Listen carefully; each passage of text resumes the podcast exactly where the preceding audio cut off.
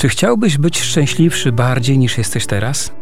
Czy wiesz, że Eucharystia posiada taką moc, że może z ciebie uczynić najszczęśliwszego człowieka na ziemi? Co zrobić, aby korzystać z niebiańskiego potencjału Eucharystii? Na te pytania odpowiem w audycji Jak rozkochać się w Eucharystii. Ojciec Zbigniew Ptak.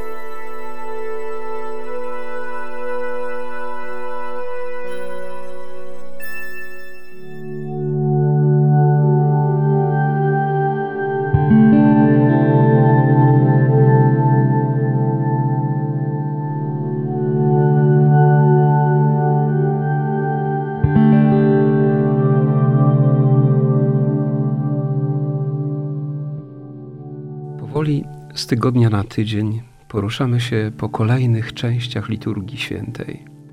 Nazywamy ją również liturgią boską, gdyż to wszystko, co się w niej dzieje, jest obecnością i działaniem Trójcy Przenajświętszej, a więc Boga Ojca, Boga Syna i Boga Ducha Świętego.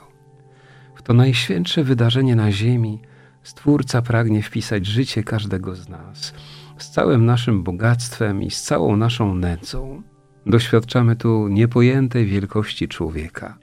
Człowieka, który przez eucharystyczną intymność z Bogiem staje się dzięki Komunii Świętej większy od anioła. I ta wielkość nie jest mu proponowana tylko podczas samej Komunii Świętej, ale i po niej. I to tak długo, jak tylko człowiek zechce ją mieć w sobie.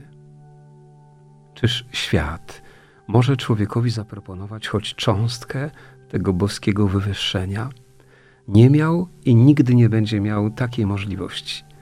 Nawet w malutkiej cząstce nie ma takich możliwości. Z naszej ludzkiej strony wystarczy tylko inwestycja w wiarę. I ta wiara jest kluczem, który otwiera pierwsze drzwi eucharystycznego misterium. Drugim kluczem jest miłość. Tymi dwoma kluczami można otworzyć niebo, które znajduje się po części na ziemi, a które znajduje się również na każdym ołtarzu, na którym sprawowana jest przenajświętsza ofiara eucharystyczna. Pomódlmy się więc, jak czynimy to na początku każdego naszego spotkania, aby ta nasza wiara i miłość były coraz żarliwsze. Wszechmogący Boże, ofiarujemy Tobie krew Jezusa Chrystusa, krew wszystkich męczenników, cnoty i zasługi Jezusa, Maryi, Józefa i wszystkich świętych, w połączeniu ze wszystkimi mszami świętymi, do tej pory sprawowanymi i tymi, które do końca dziejów będą jeszcze odprawiane, w intencji naszej żarliwej miłości do Eucharystii, w intencji naszego zadziwienia się Eucharystią, w intencji naszego głodu Eucharystią i w tej intencji, abyśmy nigdy nie ulegli rutynie. Amen.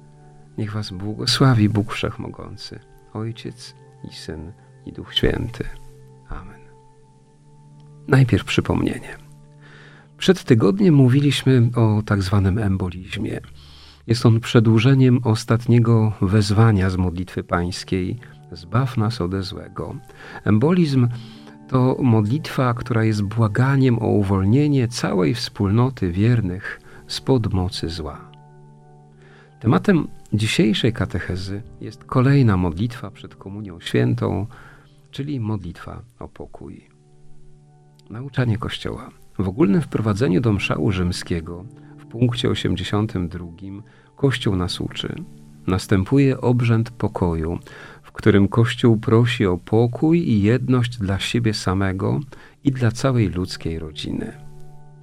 Rozwinięcie. Modlitwa o pokój składa się z dwóch elementów.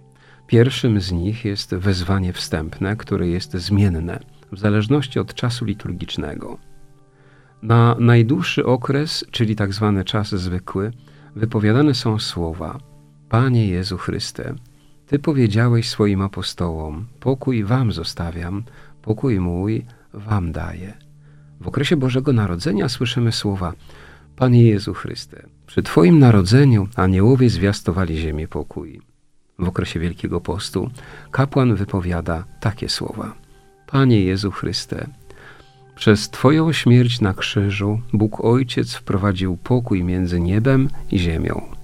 w okresie Wielkiej Nocy wypowiadane są takie słowa: Panie Jezu Chryste, w dniu zmartwychwstania pozdrowiłeś uczniów słowami: Pokój wam. Własne wprowadzenie posiada uroczystość zesłania Ducha Świętego. Panie Jezu Chryste, Ty zesłałeś Ducha Świętego, aby obdarzyć Kościół jednością i pokojem. W każdym z tych wezwań mowa jest o pokoju. Najczęściej o takim pokoju, który dał nam sam Jezus lub był związany z wydarzeniem, które przeżył sam Jezus. Druga część tej modlitwy jest wspólna dla wszystkich uroczystości i okresów liturgicznych. Kapłan modli się takimi słowami: Prosimy Cię, nie zważaj na nasze grzechy, lecz na wiarę swojego Kościoła i zgodnie z Twoją wolą napełniaj go pokojem i doprowadź do pełnej jedności, który żyjesz i królujesz na wieki wieków. W modlitwie tej kolejny raz Kościół zaprasza nas do uświadomienia sobie naszej grzeszności. Treści związane z naszą grzesznością przewijają się przez całą Eucharystię aż kilkanaście razy. Tylko w częściach stałych mszy świętej 14 razy mowa jest o naszej grzeszności. A jeszcze są części zmienne, w których niejednokrotnie ten temat dochodzi do głosu. Dlaczego Kościół niemal bezustannie przypomina nam tę bolesną prawdę o naszej egzystencji? Powodów jest kilka. Jednym z najważniejszych jest ten, że dostępujemy podczas Eucharystii niewiarygodnej wprost bliskości wobec Boga, a bliskość podczas tego świętego misterium eucharystycznego, jeśli nie jest przeżywana w drżącym, z drżącym sercem, a bliskość podczas tego świętego misterium eucharystycznego, jeśli nie jest przeżywana z drżącym sercem, może prowadzić do rutyny. Jak wiemy, rutyna jest trucizną, która może zabijać naszego ducha. Jedną z doskonałych odtrutek na takie zagrożenie jest pogłębiona świadomość grzechu i własnej niegodności.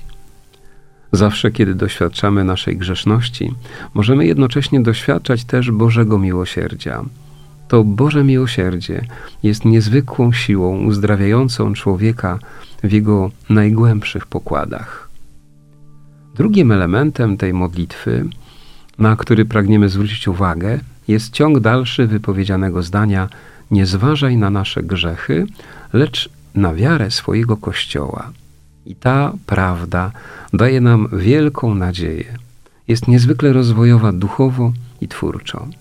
Otóż wszyscy wiemy, że Kościół to mistyczne ciało Chrystusa.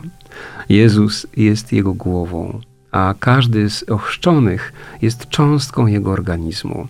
Kościół jest święty mocą obecności w nim Jezusa Chrystusa i Ducha Świętego. Wiara, miłość wszystkich tych, którzy przez prawie dwa tysiące lat stanowili Jego ciało, jest do dyspozycji tych wszystkich, którzy współcześnie żyją.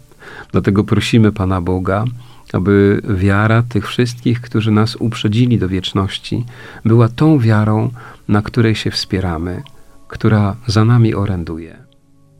Kolejna część tego samego modlitewnego zdania to prośba, by Stwórca napełnił Kościół pokojem, zgodnie ze swoją wolą. Jest tu użyty bardzo ważny element modlitwy, zgodnie z Twoją wolą. My nie jesteśmy w stanie rozeznać, co dla nas jest najlepsze w kontekście naszego zbawienia. Dlatego modlimy się o to, aby Pan Bóg dał Kościołowi taki pokój, który będzie dla niego najlepszy w czasach ogromnego deficytu pokoju. Pokój, który jednoczyć go będzie jeszcze pełniej z Jezusem Chrystusem. Ostatnim elementem jest prośba, aby dobry Bóg doprowadził Kościół do pełnej jedności. Oto Jezus Chrystus modlił się bardzo intensywnie podczas ostatniej wieczerzy w swojej modlitwie arcykapłańskiej. Jego modlitwa ma to mistyczne przedłużenie w każdej Eucharystii, kiedy wypowiadana jest modlitwa o pokój i w innych chwilach celebry eucharystycznej. Chrystus prosił wówczas o taką jedność, jaka jest w Trójcy Przenajświętszej. Ona jest niedościgłym ideałem dla Kościoła, i o taką pełnię tutaj właśnie chodzi. Postawa wewnętrzna. Istotą tej postawy jest maksymalne identyfikowanie się wewnętrzne z wypowiadanymi czy też słuchanymi treściami. Jeśli teraz, w tym momencie mszy świętej, kapłan modli się o pokój, ale również o jedność, to winienem tak mocno wejść w głąb tego wołania, jakbym był aniołem. Aniołem, który modli się całym swoim jestestwem, każdą komórką swojej anielskości. Skoro są z nami we mszy świętej obecni aniołowie, to ich działanie polega między innymi na tym, aby nas mobilizować do postawy, która skutkuje angażowaniem całego naszego człowieczeństwa, całej naszej osoby w to święte misterium, w którym teraz uczestniczymy. Życie. Każdy element mszy świętej do czegoś może nas mobilizować w naszym życiu codziennym.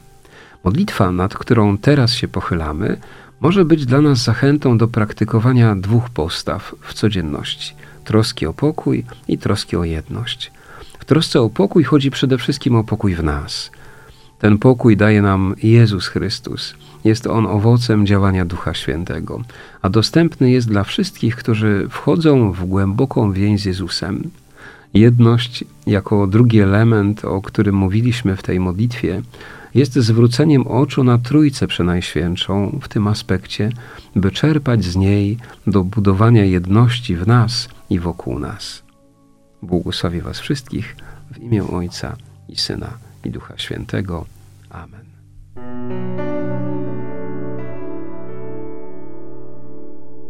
Czy chciałbyś być szczęśliwszy bardziej niż jesteś teraz? Czy wiesz, że Eucharystia posiada taką moc, że może z ciebie uczynić najszczęśliwszego człowieka na ziemi? Co zrobić, aby korzystać z niebiańskiego potencjału Eucharystii? Na te pytania odpowiem w audycji Jak rozkochać się w Eucharystii. Ojciec Zbigniew Ptak.